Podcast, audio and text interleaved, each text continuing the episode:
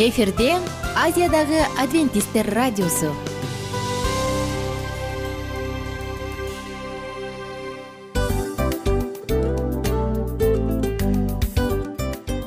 Достор салют. Баардык сүйүктүү угармандарыбызга салам айтабыз. Кутман күнүңүздөр менен. Ден соолук өмүрдүн булагы демекчи саламат саамы программасында баарыңыздарды көргөнүбүзгө абдан кубанычтабыз. Анда алгач амандашып өтөлү арбаңыздар деп. Ден соолугуңуздар кандай элибизде көбүнчө ден соолук кандай дегенде эле жакшы деп жооп беребиз э? ооруп турсак дагы жакшы дейбиз. Анан мен муну айтып ойлойт элем бул абдан сонун сөз депчи анткени бул жакшы деген үмүт да э ооба баары жакшы болот. Баары сонун. Деп үмүттөнүп атып эле өзүбүздү өзүбүз дарылап коебуз. Анысы кандай? Сиздин дагы ден соолугуңуз жакшы беш деген үмүттөбүз чындыгында ден соолук бул өмүрдүн булагы деп бекеринен айтылган эмес деп ойлойм. Кыргыз элинде анткени эгерде ден соолук жок болсо анда адамдын жашоосунда калган баардык керектүү маңыздуу нерселер өзүнүн баалуулугун жоготуп коет. Ошондуктан ден соолук бул эң керектүү нерсе. Ооба туура айтасың кесиптешим. Чынында ден соолугуң жок бир эки үч күн ооруп калсаң эле э кандай болуп калат? Жашоодо көз каранды болуп каласың көп нерсеге жетишпей каласың көп нерсени кыла албай каласың жада калса эшикке дүкөнгө да чыга албай каласың. Туптуура анан ден соолук болсо демек биз биздин бактыбыз тоодой деп койсок болот. Анда достор саламат саамы рубрикабызды баштайлы. Алдыда өзүңүзгө керектүү болгон сонун кеңештерди уга аласыздар. Мына ошондуктан биз менен бирге болуңуздар. Ал эми биз болсо милан жана айнура. Кеттик алга. Алга саламат саама ден соолуктун жарчысы. Саламат саама ден соолуктун ачкычы. Күн сайын сиз үчүн мыкты кеңештер сонун жаңылыктар кызыктуу фактылар биздин рубрикада.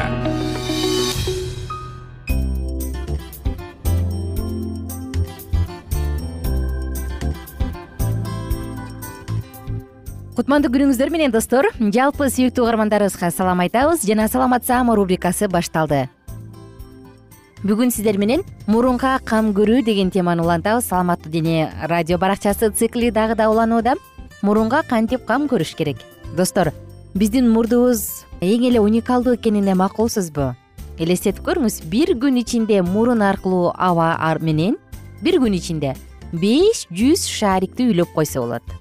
Таң калыштуу бекен мурун бул дем алуучу системанын эң эле сыртында турган воротасы же болбосо дарбазасы деп койсок болот. Кошуласызбы? Дал ушул мурундун жардамы менен биз дем алабыз ар кандай бронха жана өпкө ооруларынан качабыз. Ар кандай ашыкча инфекциялардан сактана алабыз. Демек бул мурунга кам көрүүгө татый турган нерсе кошуласызбы? Келиңиздер бүгүнкү темабызда дал ушул ден соолукка маанилүү ролду ойногон биздин сулуулугубузду арттанган мурунга кантип кам көрсө болот бул жөнүндө кененирээк сөз кылалы. Биздин биринчи эле кеңешибиз. Колуңуздан келишинче мүмкүн болушунча таза аба менен дем алганга аракет кылыңыз. Түтүн жана газдар мурун көңдөйүн сезгентет жана ар кандай инфекцияларды пайда кылат. Экинчиден олуттуу түрдө гигиенаны сактаңыз. Мурдунду чукубаңыз мурундун ичиндеги былжырдан арылтыш үчүн кээде ушундай адаттар бар эмеспи э мурунду чукуй берген колуна эмне тийсе кимдир бирөө жазып атып ручкасы менен чукуйт кимдир бирөө өзүнүн манжасы менен чукуйт сөөмөйү менен чукуйт. Бирок достор бул өтө эле жаман. Бул мурун ичинде чаң ар кандай туура эмес микробторду пайда кылат көбүрөөк коркунуч жаратуучу эң эле жаман нерсе. Анан гигиенага дагы этикага да жатпайт э мурунду чукуп отурсаң ошондуктан мурдунду кол менен чукубаңыз үчүнчүдөн мурунга ар кандай нерселерди ар кандай предметтерди салбаңыз. Өзгөчө кичинекей балдарды мурдуна эле тыга берген адаттары бар го э? Байкасаңыз керек сиз дагы. Балдарды өзгөчө үйрөтүңүз мурунга башка нерсе салбасын. Бул достор эмне болушу мүмкүн? Тамактын кичинекей бүртүгү урук ал кандай калган каткан кагаздар мына ушулордун баардыгы тең болушу мүмкүн.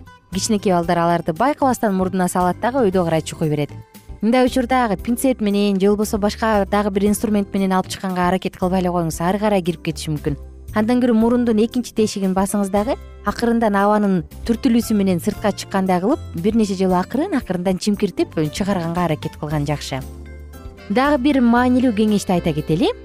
Бул температуранын дароо тез өзгөрүшүнөн сактаныңыз. Колдон келишинче абайлаш керек. Анткени мурдундун ичиндеги былжыр мурун көңдөйү булардын баардыгы тең температуранын өйдө ылдый тез өзгөрүшүнө өтө эле сезимтал келет. Мисалы өтө ысык күндө дароо эле муздак болуп катуу муздап турган имаратка кире калбаңыз. Же болбосо тескерисинче өтө муздактан дароо ысыкка кире калбаңыз. Мындай учурда абага кирген өпкөгө кирген аба жылып дагы жетишпей калышы мүмкүн же тескерисинче. Ошондуктан достор колдон келишинче ысык аба ырайында муздакка кирейин десеңиз бир аз акырындык менен киргенге аракет кылыңыз же мурдунду жаап алган жакшы. Бул дагы мурунга бактериялардын вирустардын көп өлчөмдө кирип кетишинен сактап коет. Ошондой эле достор биздин мурунубуз үчүн дагы эмне маанилүү? Бул бизди курчаган аба ырайынын нымдуулугу. Ошондуктан колдон келишинче абаны нымдаштыруучу нерселерди колдонгон жакшы. Элестетип көрүңүз бир күн ичинде мурун көңдөйлөрү аркылуу чыга турган айлана турган аба суусундук эки жүз миллилитрге жетет бир күн ичинде. Ошондуктан аба өпкөгө жеткен аба жакшынакай нымдашылган жылытылган болушу үчүн биз дем алган абанын нымдуулугу жетимиш сексен процентти түзүшү керек. Ал эми анын градусу колдон келишинче отуз эки градус болгону жакшы үйдү нымдаштыруучу ар кандай каражаттар бар э? Көөдө бизде азыр жылыткычтар жылыткычтардын үстүндө суу куюп коюучу нерселер бар эмеспи. Мына ошолорду колдонгон жакшы. Кээде мурунку убакта апаларыбыз кадимки эле чөмүчкө суу куюп туруп анан плитанын жанына коюп коюшчу аба кургап кетет деп. Бул да жакшы. Анан дагы бир ыкма бар. Кадимки эле дакини марлини нымдап туруп анан батареяларга жайып коюу. Бул ыкмаларды дагы колдонсоңуз жакшы. Бирок бирок абайлаңыз. Эгерде аба үйдөгү абдан эле өтө эле нымдалышып кете турган болсо анда үй көгөрүп көк баса баштайт. Көк дагы ден соолукка зыян бул өзүнчө эле грибоктун түрү. Ошондуктан абайлаңыз. Колдон келишинче үйдө тазалыкты кармап паластарды килемдерди баардыгын тең аябай жакшылап пылесостоп чаң менен сүрдүрүп туруп анан нымдаштыруучу каражаттарды колдонгонуңуз туура. Мурун негизи өзүнөн өзүн алганда бул өзүн өзү тазалоочу орган. Ал сырттагы абаны дем алганда мурдунун ичинде жүн сыяктуу кичинекей майда жүндөр бар эмеспи кирпик сымал. Алар өздөрү эле абаны фильтрлейт дагы тазалап турат. Бирок кээде тилекке каршы мурун дагы өзүнүн функциясын так аткара албай калат. Кайсы учурда мурундун өзүнүн функциясы бузулат? Адам наркотиктерди дем алып наркотиктер менен дем алып аларды көбүрөөк колдоно баштаганда кокаин героин амфетаминдерди көбүрөөк колдонуп жыттай баштаганда мурундун ичиндеги көңдөй жана мурун жалпысынан өзү өзүнүн функциясын аткара албай калат. Ошондуктан достор кокаин мурунга эң эле жаман таасир тийгизет. Мурундун функциясын өлтүрүүчү эң эле коркунучтуу нерсе. Абайлаңыз бул нерсени таптакыр колдонбой эле койгон жакшы. Мен ишенем угармандардын арасында мындай адамдар жок болуш керек деп аябай үмүттөлөм ошондуктан бул жаман адатты жаныңызга жакын жолотпой эле коюңуз эгер мурдуңуз дайыма бүтүй баштаса эки жагы тең бүтүп эт өскөн сымал аба жакшы кенен кирбей атса анда абайлаңыз эгер мурун канап атса же саргыч болуп чимкирик агып атса анда дароо эле өзүңүздүн доктуруңузга барган жакшы. Бул нерсени алдын албасаңыз бул коркунучтуу оорулардын жыйынтыгы натыйжасы да болуп калышы мүмкүн. Досум адамдын сулуулугунун көп бөлүгү мурундан көз каранды экенине макул болушуңуз керек э ал эми мурундун саламаттыгы албетте сизден түздөн түз көз каранды. Ошондуктан анын өзүнүн функциясын так даана аткарып бере алгандай кылып жакшы шарттарды түзүп бериңиз. Ошондо мурун сизге көп жылдар бою жакшынакай кызматын жасап берет. Кайрадан кийинки уктурууларды калтырбай угуңуз анткени кийинки уктурууларда дагы сиздин ден соолугуңузга керектүү болгон сонун маалыматтарды айтып беребиз баардыгыңыздар менен амандашканча достор. Оорубаңыздар бар болуңуздар. Эч бир жаман адат болбосун жашооңузда. Жалаң жакшы адаттардын ээси болуңуздар. Анткени жакшы адат ден соолукту чыңдаганга жардам берет. Кайрадан амандашканча. Саламат саама ден соолуктун жарчысы. Саламат саама ден соолуктун ачкычы. Күн сайын сиз үчүн мыкты кеңештер сонун жаңылыктар кызыктуу фактылар. Биздин рубрикада салют замандаштар баарыңыздарга ысык салам. Дил маек программабызга кош келиңиздер. Дил маек рубрикасы дегенде эле бул эмне болгон дил маек ким менен маектешебиз деп сурайт болуш керек угармандарыбыз бул рубриканы кыскача тааныштыра кетип турган болсок ар тарап кесип ээлеринен болгон сонун интервью кеңештер бар. Ооба. Жылдыздар менен болгон маек бар. Аталарыбыздын агаларыбыздын чоң аталарыбыздан сонун кеңештер бар. Ошондой эле эже сиңдилердин кеңештери бар айтор. Баардык кызыктардын баары алдыда. Негизи эле адам баласы бир кимдир бирөөнө ишенип сырын ачкысы келет эмеспи э мындай баарлашууга жакын келебиз го. Албетте. Негизи бир жерге отуруп алып кенен шашпай баягы жүрөктөн жүрөккө ачып сырларыбызды ар кандай көйгөйлөрүбүз менен бөлүшүп баягы чын жүрөктөн маек курганды кимибиз сүйбөйбүз э? Ооба десең ал нерсеге суусап да келебиз да. Ооба кээ бирде адамга чындыгында баягы э, ысык маек баягы жылуу маек жетишпейт да. Ошондуктан биз ушул рубриканы ойлоп тапканыбызда эң биринчи эле достор сиздер менен чын жүрөктөн бир маңыздуу темаларды козгоп кеткени э, кааладык. Ошондуктан ушундай сонун бир рубриканы тартуулап жатабыз. Анын үстүнө радио дагы сонун дос да анткени э, мындай учурда досуңа айтсаң досуң досуна айтат досу досуна айтат да анан бүт өлкө билип калышы мүмкүн го а радио болсо сени сатпаган сенин айыбыңды ачпаган. Сенин сырыңды эч кимге айтпаган сонун дос мына ошондуктан биздин алдыдагы айта турган кеңештерибизди биздин досторубуздун кеңештерин угуп анан ал жака пикириңизди дагы калтырып кайрадан биз менен байланышсаңыздар болот. Деги эле жашооңузга эгерде кичине болсо дагы өзгөрүү алып моралдык жактан нравовалык жактан сонун бир кеңештерди алсаңыз демек биз максатыбызга жеттик. Ооба. Чыңгыз атабыз улуу жазуучу э, чыңгыз айтматов айткандай адам болуу бул күнүмдүк процесс экен. Күн сайын адам бойдон калуу бул адамзатка эң эле кыйын дейт э? э эң кыйын дейт. Чындыгында бунун э, негизинде адамдын эң баягы сапаттуулугу адамдын э, адамгерчилиги жана көптөгөн керектүү нерселер. Мына ошол темалар дагы бизде ушул дил маекте биз аларды да козгойбуз.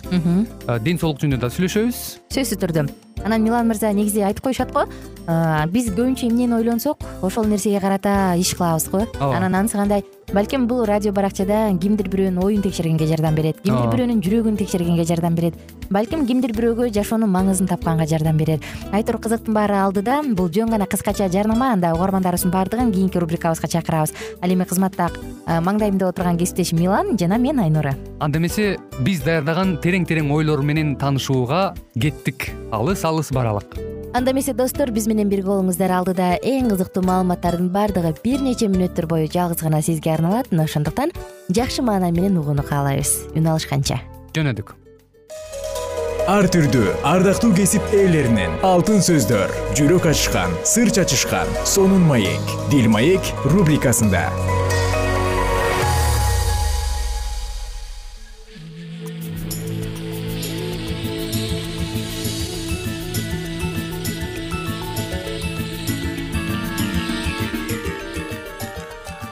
кутмандуу күнүңүздөр менен кымбаттуу радио угармандарыбыз. Кайрадан эле сиздердин назарыңыздарда сүйүү жоолугушуулар жана нике аттуу программабызды баштайбыз. Бүгүнкү программабыздын чыгарылышында биз сүйүү бул кереметтүү гана сезим эмес деген теманын алкагында кайрадан эле программабыздын сапарын улантабыз. Өткөн берүүбүздө дагы биз сиздер менен дал ушул багытта ой бөлүшкөнбүз. Андыктан бүгүнкү программабыздын чыгарылышында дагы биздин ободон алыстабай биз менен биргеликте болуңуз айрыкча эки жаштын ортосунда э, эгерде силер чын эле бири бириңерди жактырсаңар келечекте баш кошолу деген жакшы ниетиңер болсо анда ал адам эч убакта мындай жыныстык байланышка барбагандары кажет экен да. Себеп дегенде эгерде болочокто өзүңөрдүн өмүрлүк жарыңар менен бактылуу никенин даамын таткыңар келсе анда сүйлөшүп жүргөн кезде жыныстык байланышка барбаган бул абдан жакшы көрүнүш экен.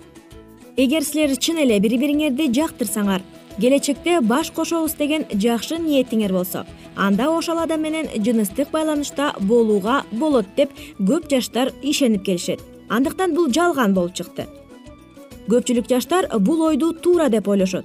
Бирок кудай сөзүндө никеден тышкары байланыштар күнөө деп айтылат. Чындыгында эле ыйык жазууда бузуктук. Адам баласы жасай турган. Эң коркунучтуу күнөө деп жазылган экен. Ал эми табигый сүйүү кудайдын адамдарга берген ажайып белеги. Бирок ал никенин алкагынан чыкпашы керек. Кудай бизге секске байланыштуу осуят буйруктарды берүү менен бизди жыныстык катнашуудан ырахат алууну чектегиси келген эмес. Тескерисинче ал биздин узак убакытка чейин толугу менен ырахат алышыбызды каалайт. Бактылуу үй бүлө куруу үчүн жыныстык жашоодон ырахат алуу гана жетиштүү деп ойлошот.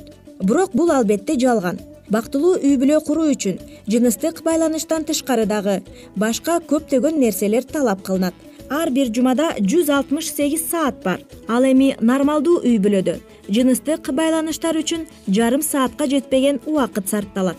Эгер сен секс үчүн гана үйлөнө турган болсоң анда башка убакытта эмне иш кыласың? Эгер сен чын эле бактылуу үй бүлө кургуң келсе секс үчүн гана ылайыктуу эмес бирге өмүр сүрө турган адамды изде табигый сүйүүгө муктаж болгондугундай эле сен достук сүйүүгө да муктажсың. Силер бири бириңерди сүйгөндөй эле бири бириңерди жактырышыңар дагы керек. Ошондой эле кээ бир жаштар мындай деген дагы ойлорго чөмүлүшөт экен. Мисалга алсак чыныгы сүйүү менен кумардануу каалоону тез эле айырмалап билүүгө болот дешет. Бирок бул албетте жаңылыштык ой. Сүйүү менен жөн эле жактыруунун ортосундагы айырманы көрө билүү оңой эмес көпчүлүк жаштар кыялдарында жаралган сүйүүнү элестетип чоңоюшат. Бул мындайча болот. Ал бир аз тартынчаактыгына карабастан аябай жакшы кыз болчу. Сыртка көп чыкчу эмес. Үйдөгү иштерди жасап тамак бышырып тиккенди үйрөнүп апасынын тилин алган боорукер назик жана ак ниет кыз эле. Жигит болсо узун бойлуу көздөрү жайнаган жайдары бала болчу. Кыздар аны жайдары карашса да ал эч кимге көңүл бурчу эмес ал бир гана өзү үчүн жаралган өзгөчө кызды күтүп жүрчү. Андан кийин бир кереметтүү нерсе болду. Тагдыр аларды кошуп койду. Мурда тааныш эмес болушса да биринчи көз караштан эле бири бирин жактырып калышты. Алардын көз караштары чагылыша түшкөн мүнөттө эле бири бири үчүн жаралгандыктарын сезишти. Бул сезим ушунчалык күчтүү эле. Баардыгы тең бул жарашыктуу жубайларга суктана карашчу. Арадан төрт жума өтпөй эле экөө баш кошуп ошентип жыыргап куунап жашап калышыптыр. Чындыгында бул сонун окуя бекен бирок ал чындыкка туура келбейт бул баягы кандайдыр бир биздин бала чактагы жомоктордон алынган бир уламыштарга окшош экен десек дагы болот экен да. Себеп дегенде жомоктордо бул эки жаштын сүйүүсү аябай бактылуу гана көз ирмемдер менен өтүп анан э, жомоктун аягы дагы ошондой бир сонун учурлар менен э, коштолуп бүтүп калат эмеспи. Бирок э, чыныгы реалдуу жашоодо мындай нерсе боло бербейт анткени бул жашоо өзү күрөш деп коет эмес. Андыктан бул болочоктогу өзүнүн өмүрлүк жарын тандоодо дагы бул жашоодо дагы сен келечектеги өмүрлүк түгөйүңдү тандоодо. Демек сен бактылуу никенин даамын таткың келсең анда бул жаатта дагы мындай күрөшүүчү болушуң керек экен да. Жанагындай э, тескери иштерге барбай тескерисинче ошол жыныстык каалоолоруңду өз учурунда токтото билгенге э, ар кандай ушул ыкмалардан чыгып кеткенге ошо аракет кылыш керек экен да жогоруда биз айтып өткөндөй эле ушул эгерде жанагындай өзүнүн дене кумарларынан баш тартканга мындай күрөшүүчү болуш керек экен да ошондо гана биз бактылуу никенин даамын тата алат экенбиз мисалга эртең менен турганда бири бириңерге карата эч кандай сезим жок экендигин көрүп тезирээк ажырашуу керек деген чечим чыгарышпайт. Сезим болсо да эч нерсе сезишпесе да алар бири бирине бекем ишенишет бирок аял менен күйөөсү бири бирин сүйөбүз деген убадасына ишенимдүү болушса экөөнүн ортосундагы сүйүү сезими да эч качан өчпөй тургандыгын абдан таң калыштуу сенин сезимдериң сенин тандооңо баш ийет ошондуктан өзүңдүн милдеттериңди так аткарып сүйүүңдү иш жүзүндө көрсөтө билүү маанилүү чынында эле кыздар э, бул көгүлтүр очкиден карап алышат экен сүйүп э, күйүп турган учурда. Ошентип бул жомоктор сонун той болуп бүтөт да андан кийин аркысын эч ким билбей калат. Биринчиден адамды бир көргөндө эле сүйүп калуу мүмкүн эмес. Аны чындап сүйүү үчүн жакшылап билиш керек. Бир көргөн адамды сыртынан жактырып ал тургай ага ашык болуп калышың да мүмкүн. Бирок аны чындап сүйүү үчүн бул аздык кылат бул аңгемедеги ошентип алар жыыргап куунап жашап калышты деген азыркы сөздөргө көңүл бурдуңбу адатта жомоктор ушинтип аяктайт. Бирок жашоо жомок эмес. Бул күн сайын чымырканган эмгек. Үй бүлөдөгү жоопкерчиликтер тамак бышырып идиштерди жуу жалаяк алмаштырып балаң ооруп калса кирпик какпай өткөргөн уйкусуз түндөр жана башка ушул сыяктуу ар кандай күнүмдүк түйшүктөр ооба туура айтасың адатта мындай окуялар чындап эле жомоктордо гана кездешет эмеспи. Ал эми чыныгы турмушта мындай эч убакта боло бербейт. Андыктан урматтуу достор сиздер бактылуу никенин даамын татууну кааласаңыздар. Келечектеги өзүңүздүн сүйүктүүңүз менен никеге чейин жыныстык байланышта болууга эч убакта болбойт экен. Урматтуу угармандарыбыз ушуну менен бизге бөлүнгөн убакыт дагы өз соңуна келип жетти. Кайрадан эле биз сиздер менен дал ушул аба толкундан үн алышканча сак саламатта болуңуз ар түрдүү ардактуу кесип ээлеринен алтын сөздөр жүрөк ачышкан сыр чачышкан сонун маек бир маек рубрикасында.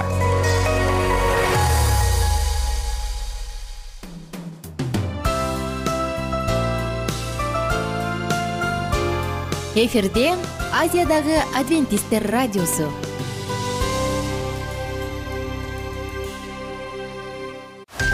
жан дүйнөңдү байыткан жүрөгүңдү азыктанткан жашооңо маңыз тартуулаган жан азык рубрикасы.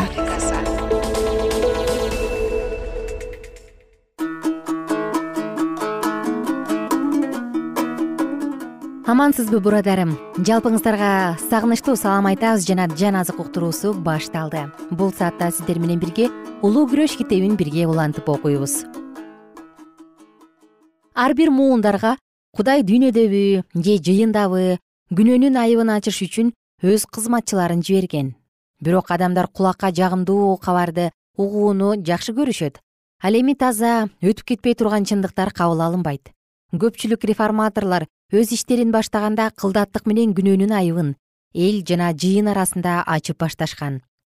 Жана өздөрүнүн таза жашоосунун үлгүсү менен гана адамдарды мукадастын окутуусуна алып келерине үмүттөнүшкөн бир кезде ыйык рух илья пайгамбардын үстүнө түшүп жана аны адилетсиз падышанын жана кудайдан баш тартып кеткен калайык калктын күнөөлөрүнүн айыбын ачыш үчүн жибергендей алардын үстүнө дагы кудайдын руху түшкөн. Реформаторлор жарыялаганды каалабаса дагы мукадастын ачык жазылган окутууларын насааттабай кое алышкан эмес.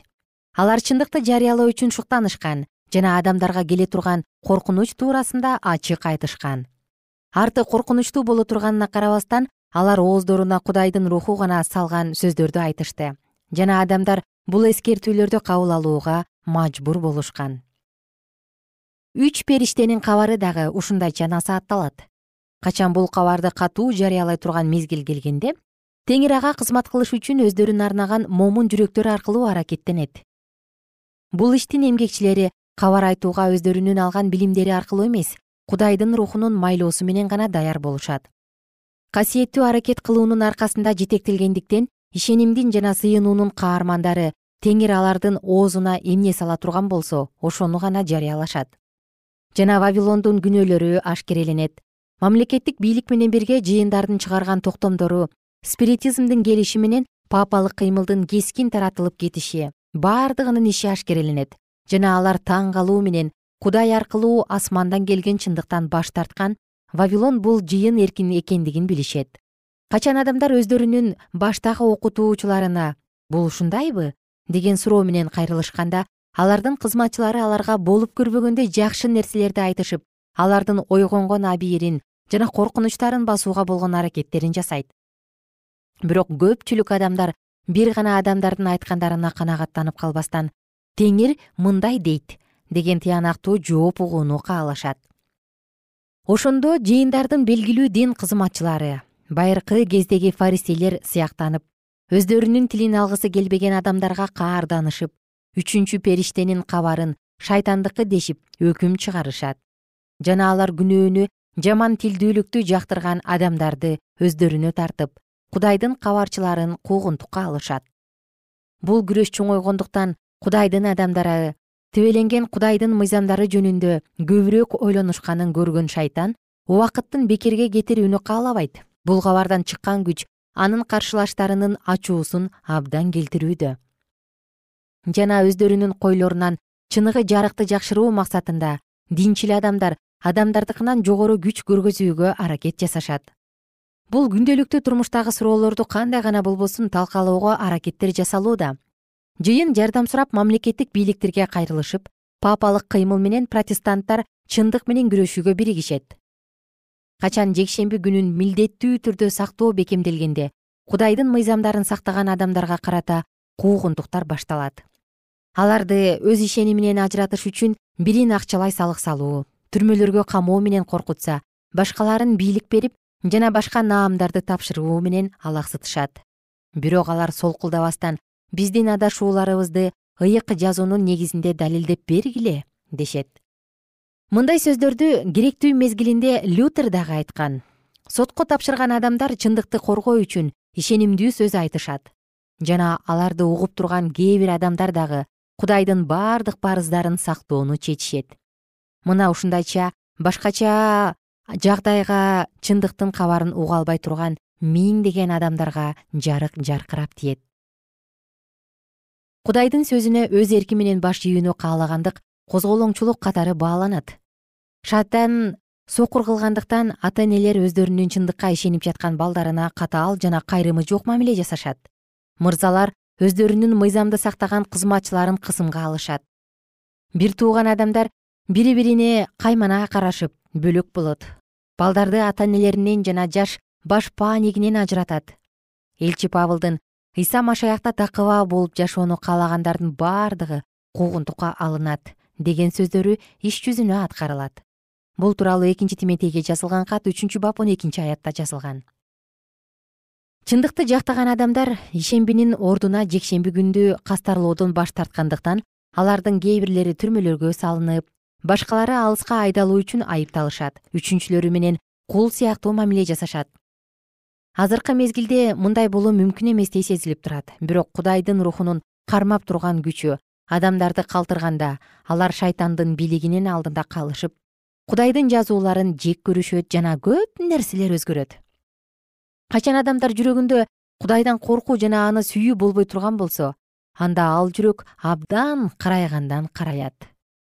Качан толук жакындаганда толкун үч периштенин кабарына ишенген бирок угулган чындык кабар аркылуу касиетке бата албаган көпчүлүк адамдар өз көз караштарынан баш тартышып жана анын душмандарынын катарын толтурат. Дүйнө менен байланышып жана анын рухун кабыл алгандыктан алар ар бир нерселерге дүйнөдөгү ишенбеген адамдар сыяктуу карашат жана сынак башталганда алар жеңил жол тандап алууга даяр. Бир кезде чындыкка сүйүнгөн зээндүү жана ажарлуу адамдар болгон күчү менен башкаларды азгырып жана аларды адашууга алып кирүүгө аракеттенишет. Мындай адамдар баштагы өздөрүнүн боордошторунун каардуу душманы болуп калышат. Качан ишембини сактаган адамдар өз ишеними боюнча сотко тапшырылганда бул баш тарткан адамдар аларды жамандаган жана айыптаган шайтандын аракетчил куралы болуп саналышат. Өздөрүнүн жалган айыптоолору жана ой жүгүртүүлөрү менен алар баштагы боордошторунун башчыларына каршы көтөрүлөт кымбаттуу угарман. Сиздер менен убактылуу гана коштошобуз убактыбыз ченелүү бизге белгиленген убакыт соңуна келди. Жалпыңыздар менен кийинки уктуруудан амандашканча сак саламатта туруңуздар. Жылмаюу уртуңуздан кетпесин. Бар болуңуздар аман болуңуздар бай болуңуздар